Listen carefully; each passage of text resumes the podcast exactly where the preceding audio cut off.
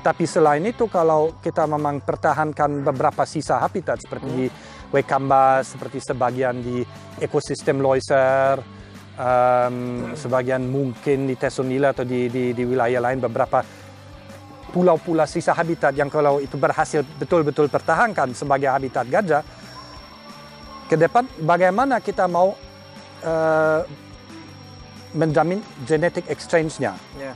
Ya. Itu harus men- genetic exchange-nya.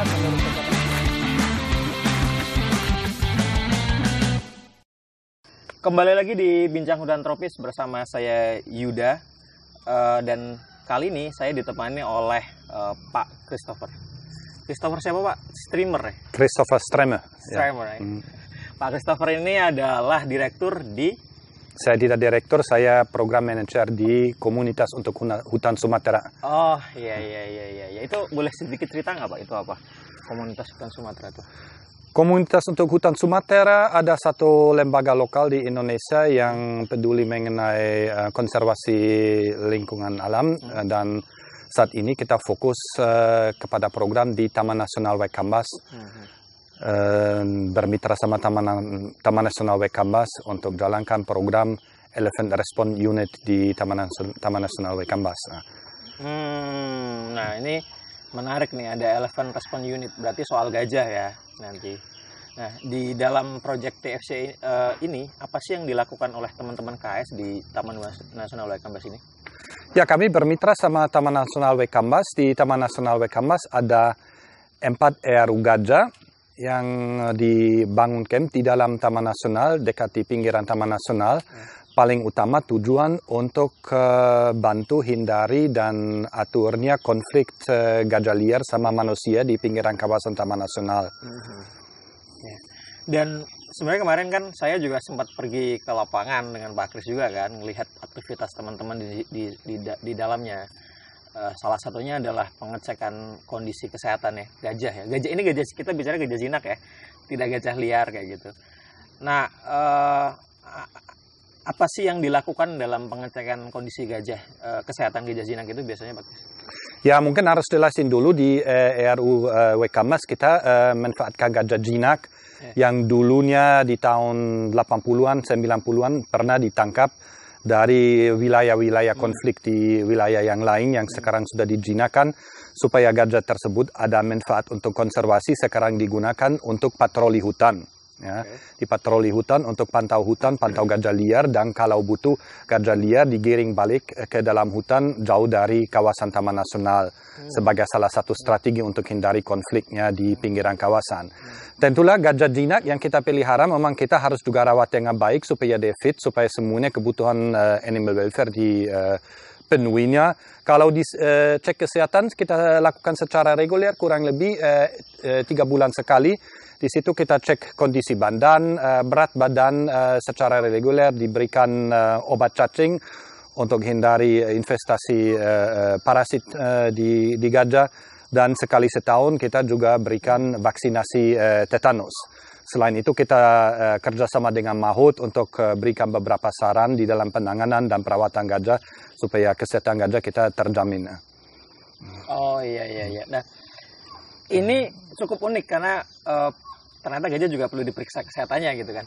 Kalau kita bandingin sama gajah liar, kan dia kayaknya nggak ada pemeriksaan itu ya. Dia kalau gading pun nggak perlu dipotong kayak di gajah jinak gitu kan. Terus kuku kemarin gajah jinak juga dicek kayak gitu. Tapi di gajah liar nggak ada mekanisme itu atau mekanismenya mungkin sudah alam. Kenapa di gajah jinak ini harus diperlakukan seperti itu, Pak?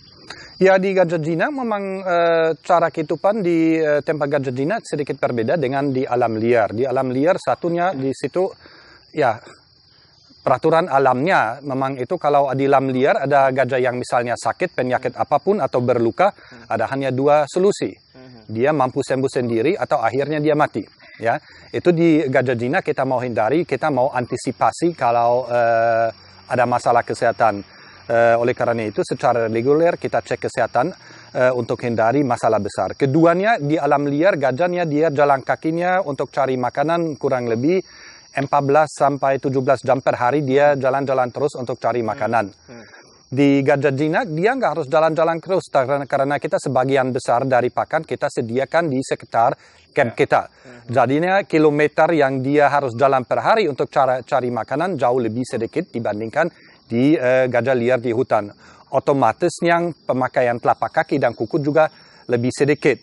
Jadinya kita harus ceknya kalau itu eh, eh, apa nama kecepatan tumbuh kukunya atau telapak kaki masih sama seperti di liar, cuma pemakaian kurang dibandingkan di liar.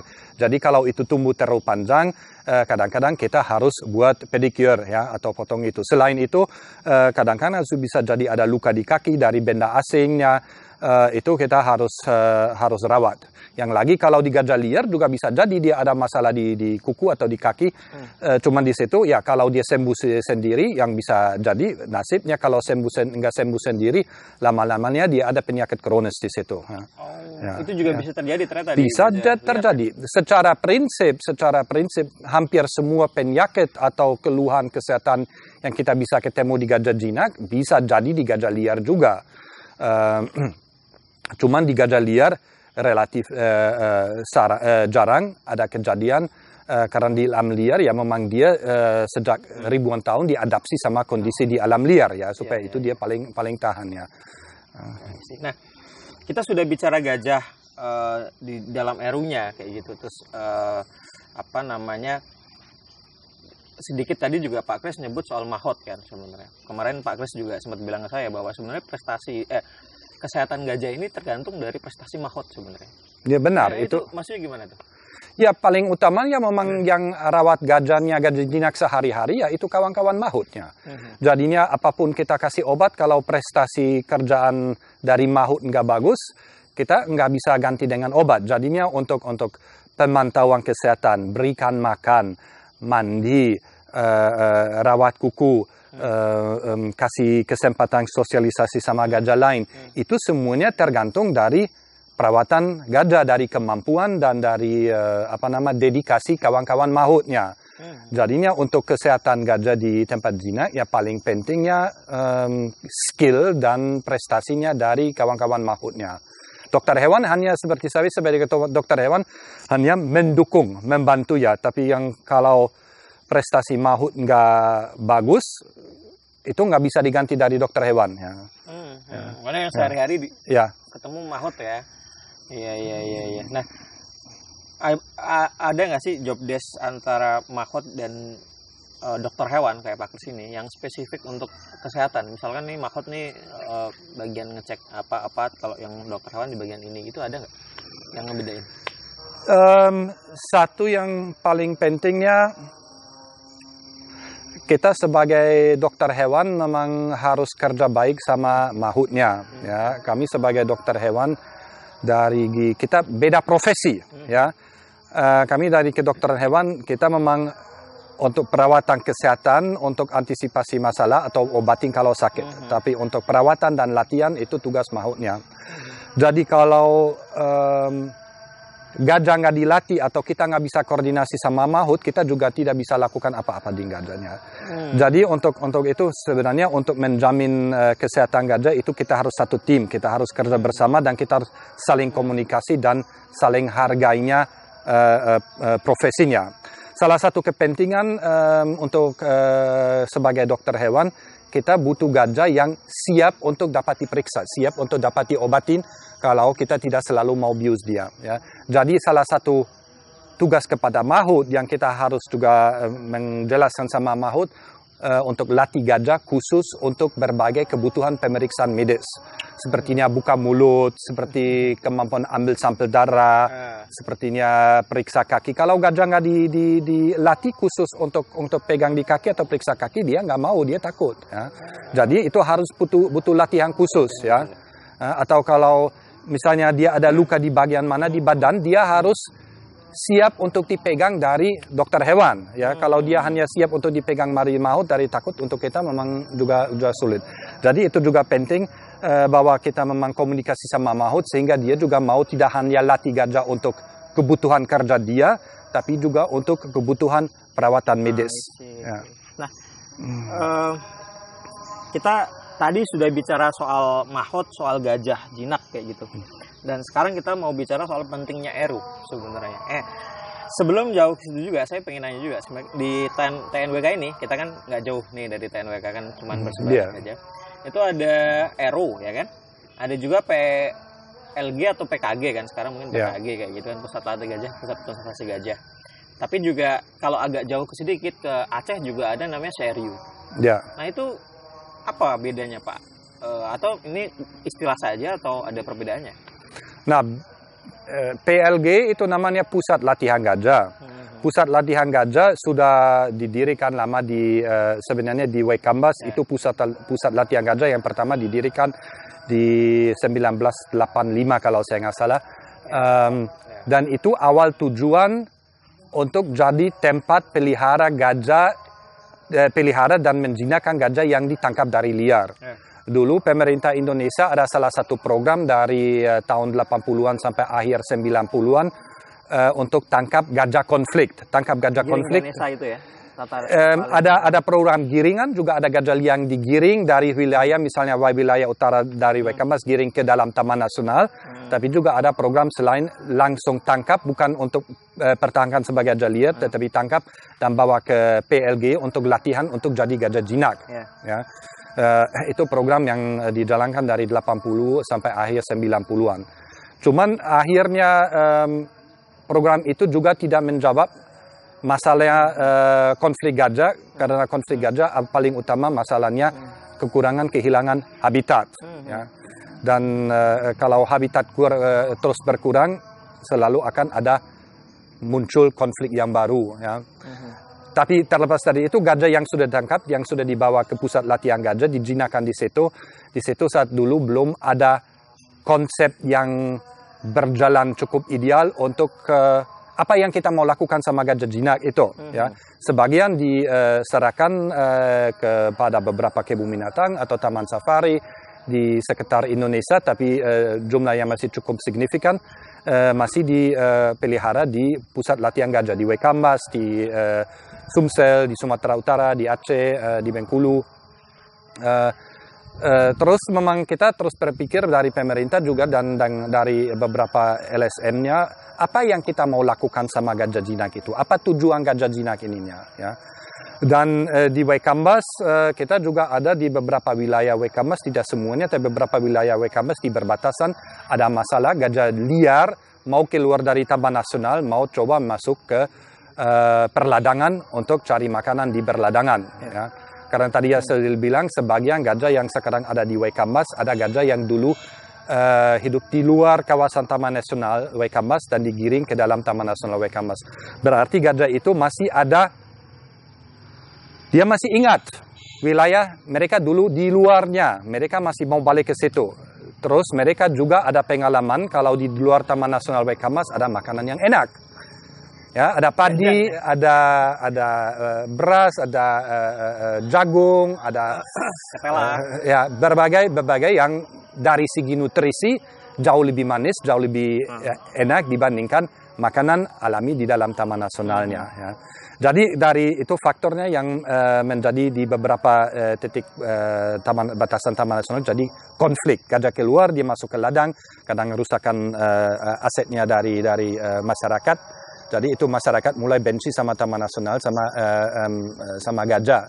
Jadi dari tahun 2008 eh, em, eh, saya dulu masih sama lembaga yang lain, sekarang sama KS bersama eh, tim-tim dari WKMAS kita berpikir bagaimana kita bisa manfaatkan gajah jinak dengan baik, pelihara dengan baik, tapi juga berikan kontribusi terhadapnya keamanan eh, masyarakat dan keamanan taman nasional. Oke. Jadi oleh karena itu kita eh, sejak 2010 kita tahap bertahap kita bentuk empat ERU Gajah.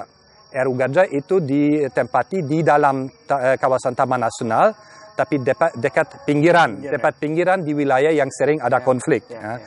Jadi eh, tim gajah dia melakukan patroli di dalam kawasan satu untuk eh, dapat informasi gajah liar lagi di mana, gajah liar mau gerak ke mana. Ya, ya. ya. Terus juga untuk mendeteksi kegiatan ilegal seperti eh, ambil jerat, logging, eh, bantu dalam eh, kebakaran hutan eh, di mana pun ketemu. Ya.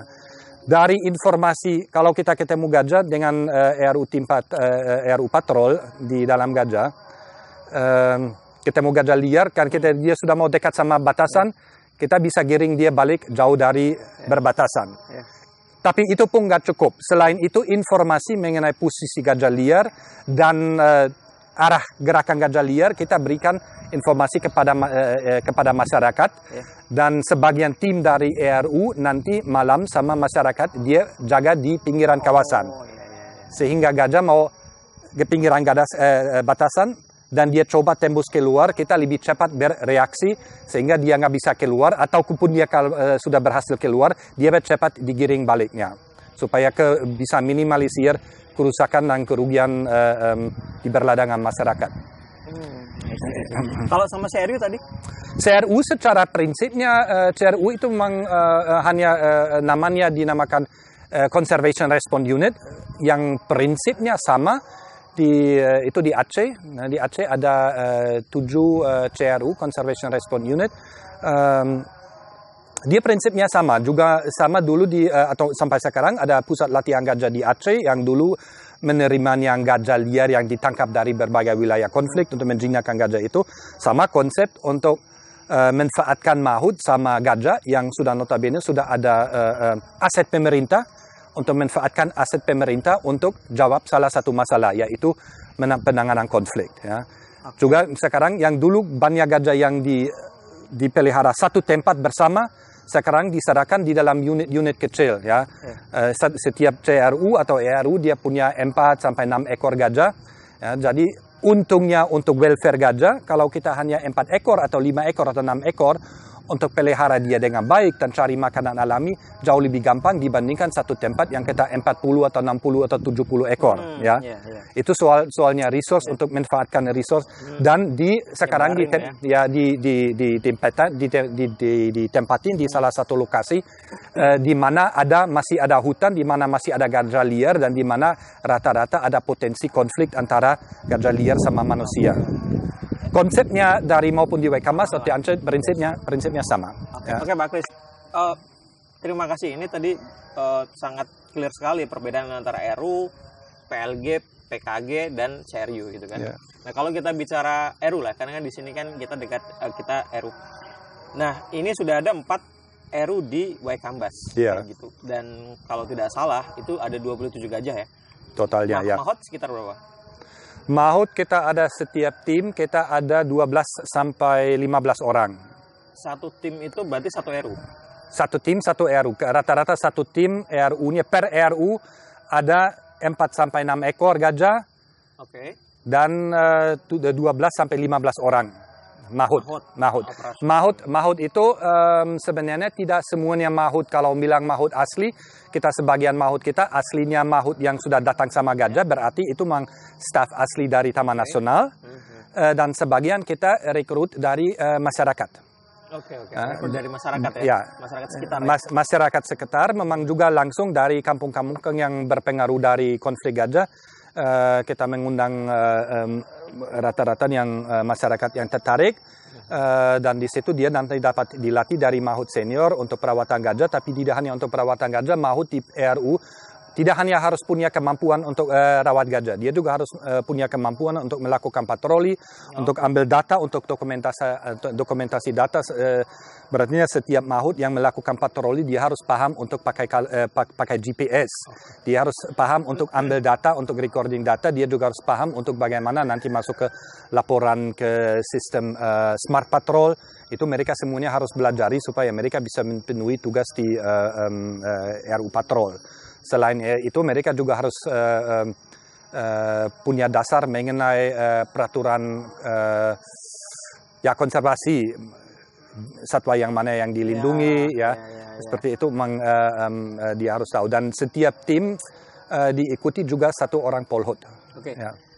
Nah uh, apa namanya pertanyaanku adalah uh, apakah dari empat RU itu dan seluruh personel yang ada itu cukup untuk dalam tanda kutip kita pengamanan pengamanan eh, apa ya, pengamanan gajah konflik. Karena kalau kita bicara konflik di sini Pak ini disclaimer ya. Kita tidak eh, mungkin masyarakat di luar membayangkan ini tembak-tembakan kayak yang terjadi antara Ukraine dan Rusia Ya. kayak sekarang kan.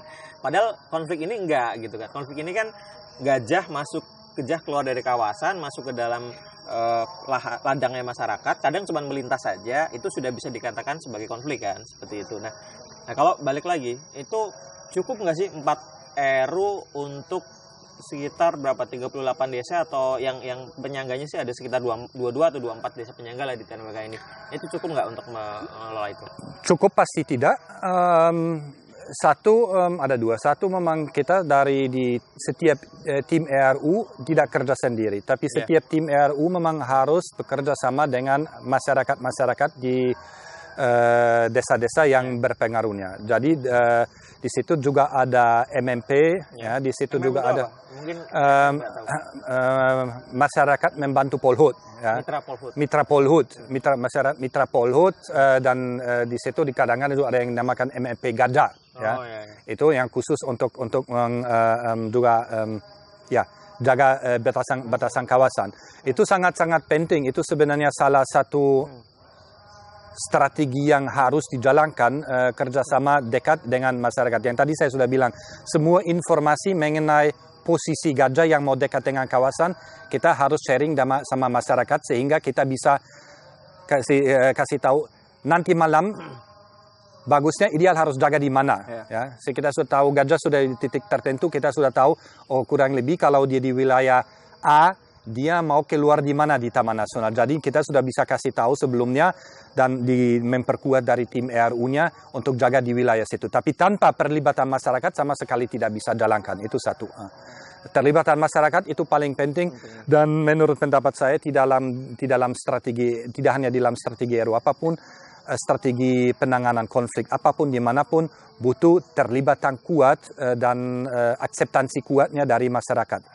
Eh, Keduanya sebenarnya kita masih eh, dengan 4 ERU belum bisa cukup cover semua eh, batasan taman nasional di mana ada potensi konflik. Memang juga ada bagian batasan di mana nggak ada potensi konflik, tapi dengan 4 ERU belum kita bisa cover semua eh, batasan yang ada potensi konflik. Sebenarnya ada eh, dari TN sendiri eh, kita sudah pernah diskusi bagaimana kalau kita mungkin bisa dirikan satu atau dua RU lagi di wilayah yang sekarang mungkin masih kurang tercover dari RU yang sudah ada. Cuman itu juga eh, soalnya dari segi em, resource-nya ya. Paling utama di situ resource-nya eh, finansial ya Iya, untuk iya. untuk operasional. Betul, betul. Karena memang sebenarnya unik ya Pak Kris di Taman Nasional Kambas ini kan eh, menurut saya juga dalam tanda kutip konflik ini akan selalu terjadi ya. Karena eh, masyarakat ada di pinggir banget karena dia nggak ada barrier Ya. khusus kan. Ini kan dataran rendah gitu kan. Eh, dan ladang-ladangnya sudah ada di cuman batasnya kan kanal Ya. saja kadang kan Ya. kayak gitu. Dan gajah pun punya daya jelajah yang luas kayak gitu kan. Dia juga butuh ya tadi sudah punya rasa pernah makan kayak kita pernah makan bakso ya atau mie ayam. Butuh mau it- eh, kayaknya bosan makan nasi makan itu gitu kan kayak gitu gitu kan Eh, ini nggak pernah akan hilang kan sampai nanti eh, ke depan karena eksistensi dua-duanya ini kan masih akan terus ada harapannya gitu. Nah, eh, dan tadi saya juga sepakat bahwa ketika kita bicara soal eh, konflik juga harus ada pelibatan masyarakat. Ya. Di mana ketika masyarakat paham, artinya masyarakat juga bisa turut setidaknya membantu gitu kan bahwa ini juga bukan tugasnya dari teman-teman TN saja bukan Ya. dengan teman KS saja tapi ya kolaborasi karena sama-sama penting gitu kan nah eh, saya juga kemarin di sekitar TN sini tuh kebetulan diskusi dengan teman-teman di TN eh dengan teman-teman masyarakat di sekitar sini gitu Mhm. bahwa salah satu yang menjadi kendala mereka saat ini adalah eh, ternyata gajah-gajah yang datang ke tempat eh, lahan ladang mereka itu adalah gajah-gajah yang eh, pecah. Kalau menurut mereka pecah. Jadi dulu ada gerombolan gajah yang dilaporkan ada koordinasi tadi lewat GPS collar kayak gitu. Eh, tapi tiba-tiba dia pecah. Yang tadinya datang ke desa A, tiba-tiba sebagian ada yang datang ke C atau ke B gitu kan. Nah, dan menurut mereka itu kejadian yang baru-baru ini gitu kan. Nah itu sebenarnya apa yang terjadi Pak Kris dengan gajah-gajah kita di TNWK ini sebenarnya? Sebenarnya nggak ada yang khusus kejadian sama TN, eh, gajah di TNW. Kalau memang gajah memang ada em, satwa yang relatif pintar. Dia juga belajar, dia juga memang me- Sekolah melakukan juga ya. dia, iya, dia memang juga terus gajah men- terus meng- menganalisa. Memang itu satu satu kebutuhan dia untuk memang ya bertahan dan hidup di dalam alam liar secara umum ya. Tidak hanya di Taman Nasional Wekambas. Jadi kalau dia ketemu satu kendala ya, eh, misalnya di alam liar dia ketemu tiba-tiba ada musim kemarau. Jadi dia harus cari wilayah yang masih ada pakan atau masih ada minuman. Jadi dia dapat halangan ya. Atau misalnya dia ketemu jurang dia juga harus tapi dia mau lewat jurang dia harus cari di mana dia bisa hindari jurang atau dia bisa cari jalur lain. Ya. Nah, sekarang sebelum em, sebelum eh, kita ada eh, ERU atau strategi penanganan konflik apa pun, gajah dia kalau rata-rata ada beberapa titik tertentu di mana dia paling enak keluar.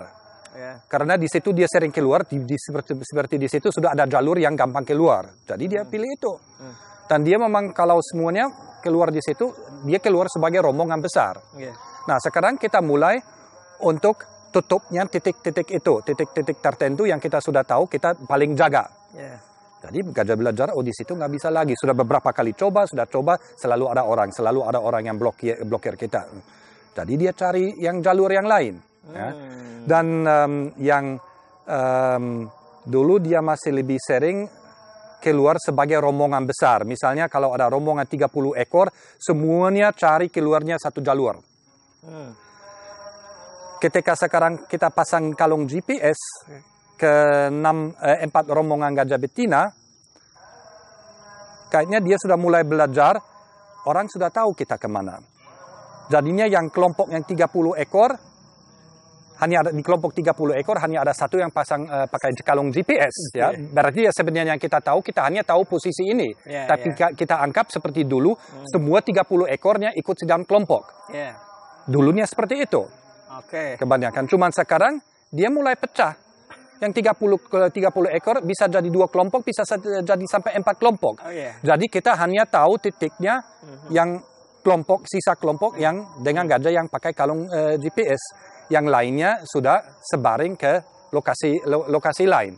Jadi kita sebenarnya harus awasin jauh lebih banyak titik yang gajah mungkin mau keluar. Nah, ya. Berarti Ya. butuh resource lebih ya sebenarnya ya kalau kalau sudah polanya seperti itu ya. Ya. Berstrategi itu lagi kita. itu itu memang gajah dia rubah strategi dan kita harus meres- eh, juga coba merespon ke perubahan perubahan strategi Iya. ya.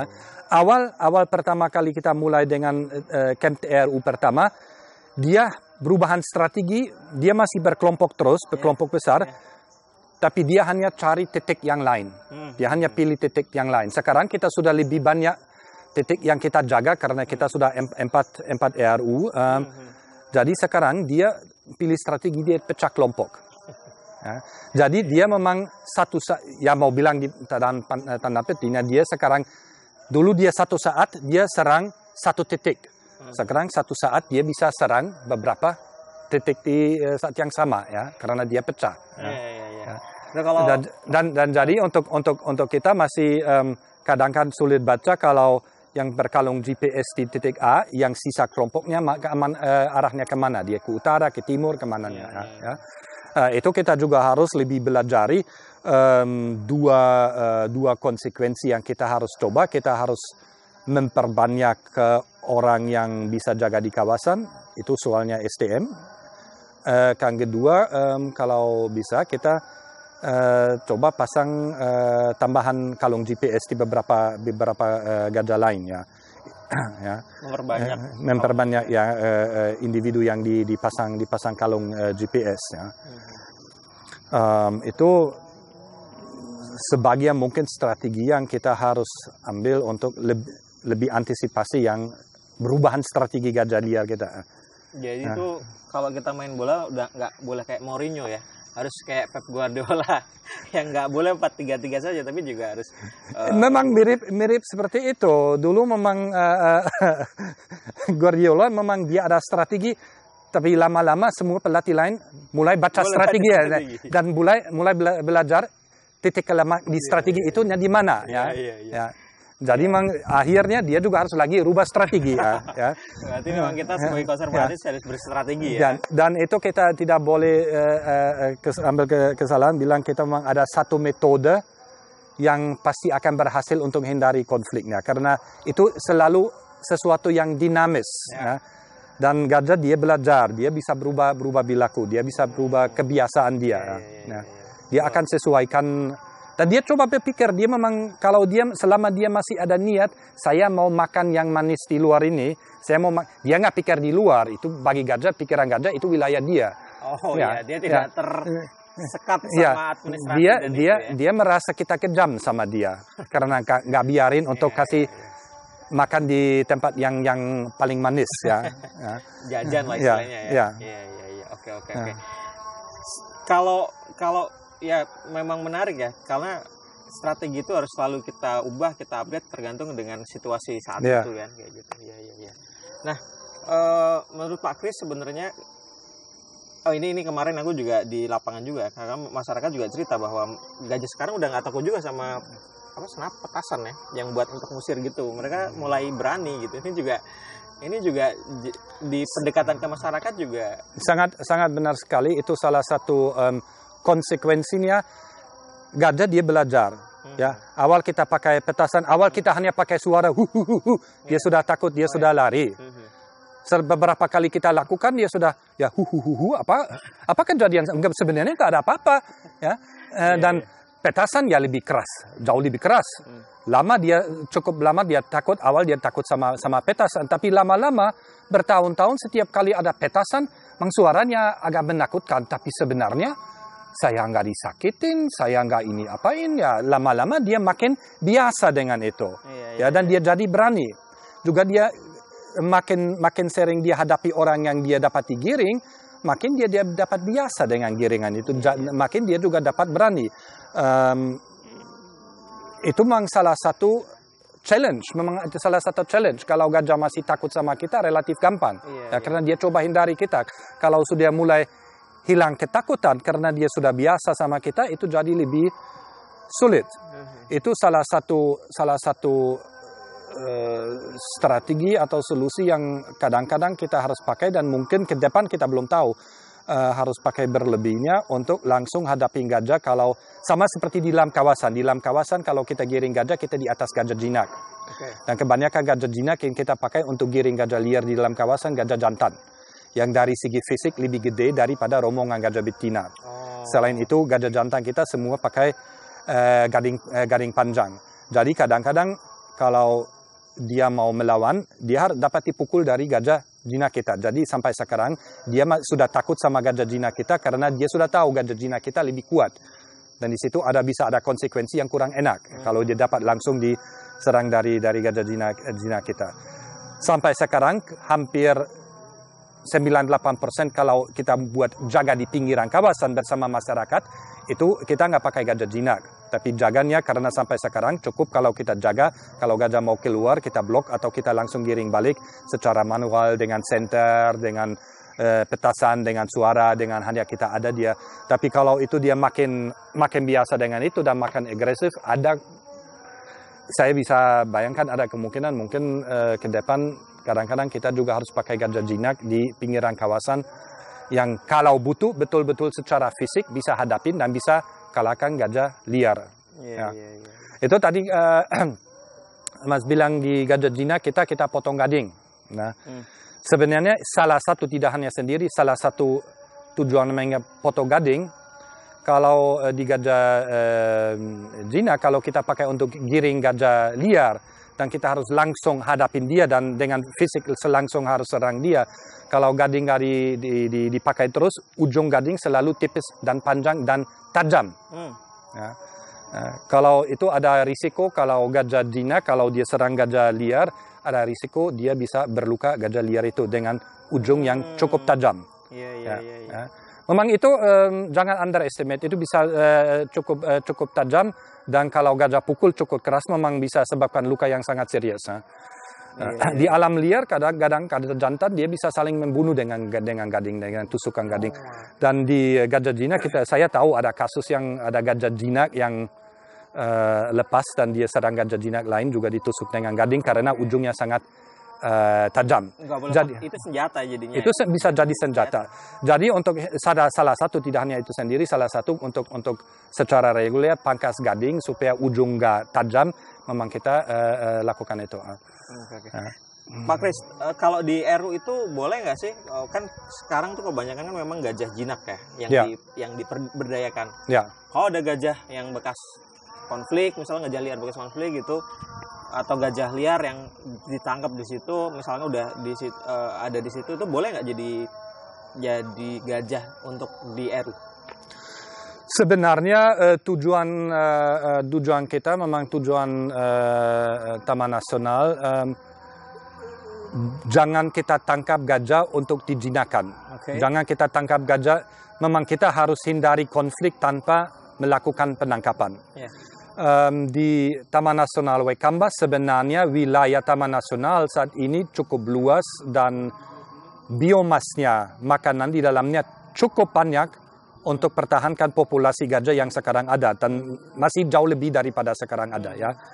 Gajah di yang mau keluar dari kawasan hanya rombongan-rombongan tertentu yang sudah punya pengalaman dan mungkin ada bagian gajah yang dulu digiring ke dalam dari luar Ya. wilayah. Ya. Tapi kalaupun kita bisa hindari dia keluar, dia tidak mengalaminya kekurangan karena kita pantau gajah terus. Ya, dia ya, tidak memang menjadi kuru- kurus. Eh, jadi yang eh, pakan yang ada di dalam Taman Nasional, selihat kita analisis kitanya dari kondisi gajah liar yang kita terus pantau, cukup banyak untuk eh, pertahan kondisinya sehat. Dia nggak harus keluar karena dia lapar. Dia keluar karena dia sudah tahu wilayah di luar dan dia sudah tahu di sana di luarnya ada kue. Oh. Di dalamnya hanya ada nasi putih sama cabai kering ya. Kalau ya, ya, ya, ya. Jadi dia juga kadang-kadang dia mau makan makan makan kuenya ya. atau Jadi- ayam jadi ayam bakarnya. Nggak setiap yang di dalam kawasan tuh habis ya sebenarnya. Bukan, bukan, bu- bukan. Iseng gitu Bukan, bisa kan? bukan. Itu dua-dua faktornya. Dia sudah ada pengalamannya. Sebagian mungkin yang gajah dulu yang digiring ke dalam, dia merasa itu wilayah saya di luarnya. Saya mau bagian wilayah saya mau pakai. Kedua, dia tahu di situ ada makanan yang sangat bergizi dan sangat enak. Ya. Ya, jadi bukan karena eh, makanan di dalam Taman Nasional tidak cukup. Dari segi biomas itu itu cukup. Ya, kita lihat lebih dari cukup. Eh, saya dari menurut pendapat saya dari saya pantau kondisi gajah liar dan pantau kondisinya habitat kalau di dalamnya carrying capa- capacity masih jauh lebih daripada ya. jumlah jumlah gajah yang sekarang ada ya. Masih aman lah ya. Itu itu itu masih itu masih aman ya. Pak Kris, kalau RU itu ada tujuan untuk dilepas liarkan nggak sih? Ya gajah-gajahnya? Em, sampai saat ini dari ERU eh, tidak ada. Satu yang tadi sudah bilang kita tidak mau harus tangkap gajah yang berkonflik. Kita mau tujuan ERU untuk hindari konflik tanpa kita ada eh, penangkapan. Ya. Hmm. Kadang-kadang kita ambil gajah dari liar em, di dalam kasus kalau ada gajah liar itu kalau biasa hanya anak yang sakit atau berluka serius sehingga dia kita lihat dia nggak bisa sembuh sendiri. Mhm. Itu kadang-kadang jadi em, tapi itu juga kalau biasa nggak dilakukan langsung bukan ketemu gang anak gajah yang kelihatan sakit Diambil. eh, langsung diambil. Nggak, nggak. Tapi karena kita eh, tim-tim RU eh, terus berpatroli, dia bisa pantau gajah itu terus ya. Kalau dia lihat setelah beberapa hari atau setelah, se- setelah beberapa minggu kondisi gajah itu terus menurun, baru ada intervensinya. Ya.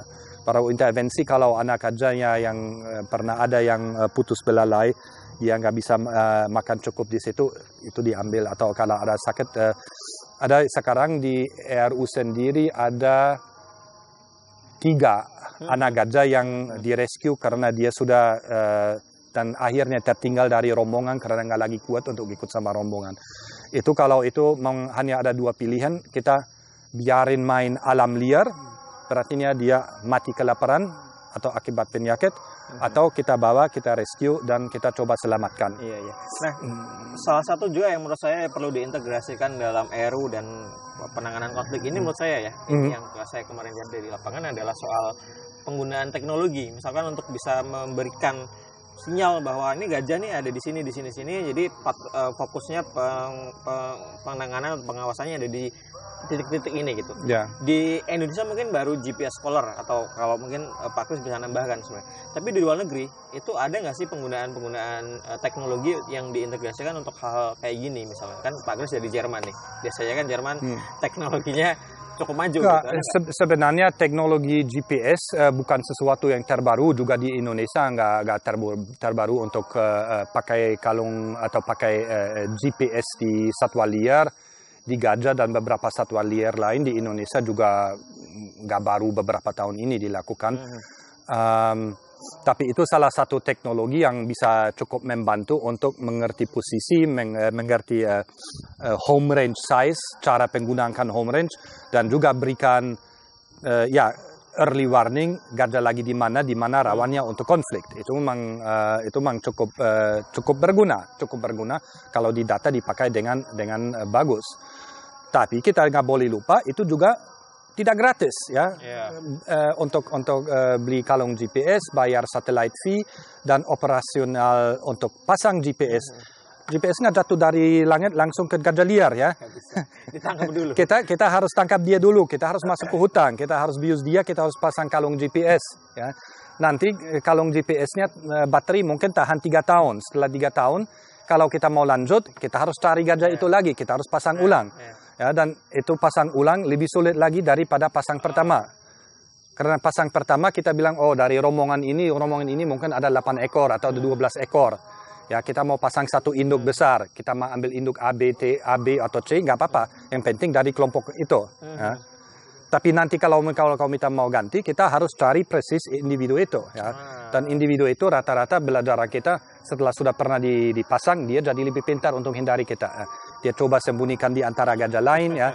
Jadi itu lebih challenging untuk ganti, untuk pasang-pasang baru. Tapi bisa, tapi uh, butuh butuh waktunya kita harus butuh juga dana untuk mobilisasi, mobilisasi tim selama beberapa yeah. minggu untuk masuk uh, ke kawasan.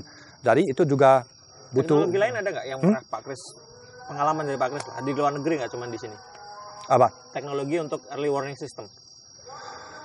Ya untuk early warning system mungkin ada beberapa yang di untuk gajah yang uh, dicoba. Saya uh, tapi banyak masih dicoba dengan uh, mungkin ada kawat. Kalau gajah le lewatnya nanti ada bunyi alarm atau seperti itu uh, um,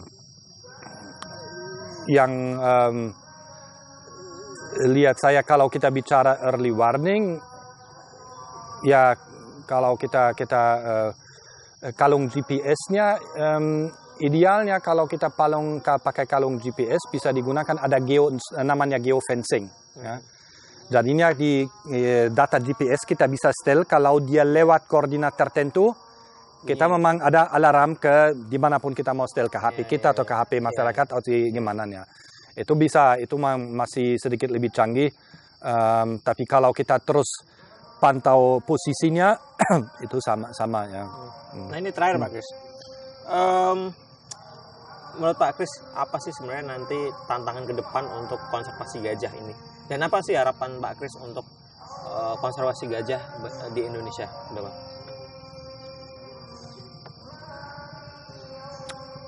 Kamu dengar yang cantik atau yang, yang, yang, yang nyata? uh, Iya dua-duanya lah boleh. ya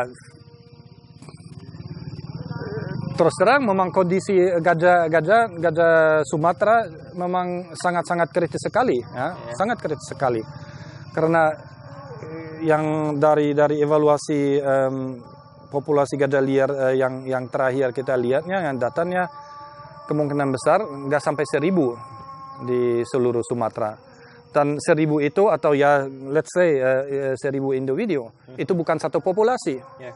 itu banyak populasi yang sudah terfragmentasi nggak ada hubungan lain ya hmm. misalnya gajah wekambas nggak ada hubungan lain dengan populasi yang di mana pun ya. yeah. yang sisanya di, di dua sisa yang di, di, di, di sisa yang di BBS juga hanya ada di situ di di Aceh populasi gajah liar yang masih paling besar kemungkinan besar di Aceh di provinsi Aceh tapi juga di Aceh tidak semua gajah yang ada di Aceh masih ada satu populasi itu sudah terfragmentasi di Aceh Selatan uh, sama di Aceh Utara sudah nggak ada nggak ada koneksi lagi yeah. kan sudah ada yeah. dan ada beberapa dan jadi mungkin dengan perkiraan populasi di Taman Nasional Waikambas dengan mungkin sekitar 160 sampai 180 ekor mungkin itu yang populasi yang connected population mungkin itu yang terbesar di Indonesia di di, di Sumatera ya. Hmm. Secara total di provinsi Aceh ada lebih mungkin 300-an mungkin hmm. sampai 400 tapi Terus saya belum ya. yakin ada satu connected population yep. yang masih sampai sampai 200. Yeah. Saya kira mungkin tidak. Ya. Jadi yang dari situ uh, um, tidak hanya dari segi jumlah yang kurang lebih seribu ekor itu sudah cukup sedikit ya, untuk untuk satu spesiesnya. Tapi itu bukan satu populasi, ini mempopulasi yang sangat sangat sangat kecil dan terfragmentasi dan untuk selamanya ke depannya kalau sendiri secara genetis untuk selamanya pasti tidak layak. Jadinya di situ sebenarnya um, selain sekarang kita masih uh, berjuang untuk coba pertahankan sisa-sisa habitat yang masih ada. Ya yang masih cukup kecil juga dan masih cukup sulit juga. Ya. Tapi selain itu kalau kita memang pertahankan beberapa sisa habitat seperti hmm. di Wekamba, seperti sebagian di ekosistem Loiser, um, sebagian mungkin di Tesonila atau di, di, di wilayah lain beberapa pulau-pulau sisa habitat yang kalau itu berhasil betul-betul pertahankan sebagai habitat gajah, ke depan bagaimana kita mau uh, menjamin genetic exchange-nya. Yeah. Nah, itu harus genetic exchange-nya menurut pendapat saya ada uh, beberapa beberapa strategi. Satu ya memang mentukar gajah antara populasi. Misalnya kalau kita ada gajah jantan remaja yang sekarang di periode dispersal, berarti di periode dia pisah dari rombongan induk, dia ditranslokasi ke wilayah lain. Yeah. Seperti ada ada uh, ide atau rencana dari um, KKH eh, untuk uh, misalnya ambil beberapa um, gajah jantan remaja dari populasi gajah di Jambi, di Bukit 30, ditranslokasi ke Wekambas. Bukan karena Wekambas gajah nggak cukup, tapi untuk perkayakan nah, variasi genetis. Jadi tugas ya? jantan ini lebih susah. Iya. Ya. Harus banyak ya. dia ya. ininya. Ya.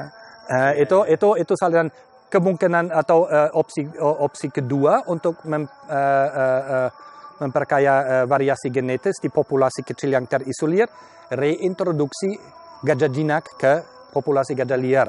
Ya. Uh, oleh karena itu juga menurut pendapat saya yang populasi gajah jinak yang ada di Indonesia, populasi gajah jinak Sumatera, maupun di, di PLG atau di ERU, di CRU, di kebun binatang, di taman safari, ada menurut pendapat saya ada kepentingan sangat-sangat signifikan untuk konservasi gajah uh, uh, gajah Sumatera secara keseluruhan. Yeah. Karena populasi gajah jinak seharusnya dipertahankan melalui captive breeding sebagai genetical backup-nya. Yeah. Ya. Yeah. Gajah gajah jinak yang ada di berbagai fasilitas berasal dari beberapa wilayah, dari Lampung, dari Riau, dari Sumsel, dari Aceh. Yeah.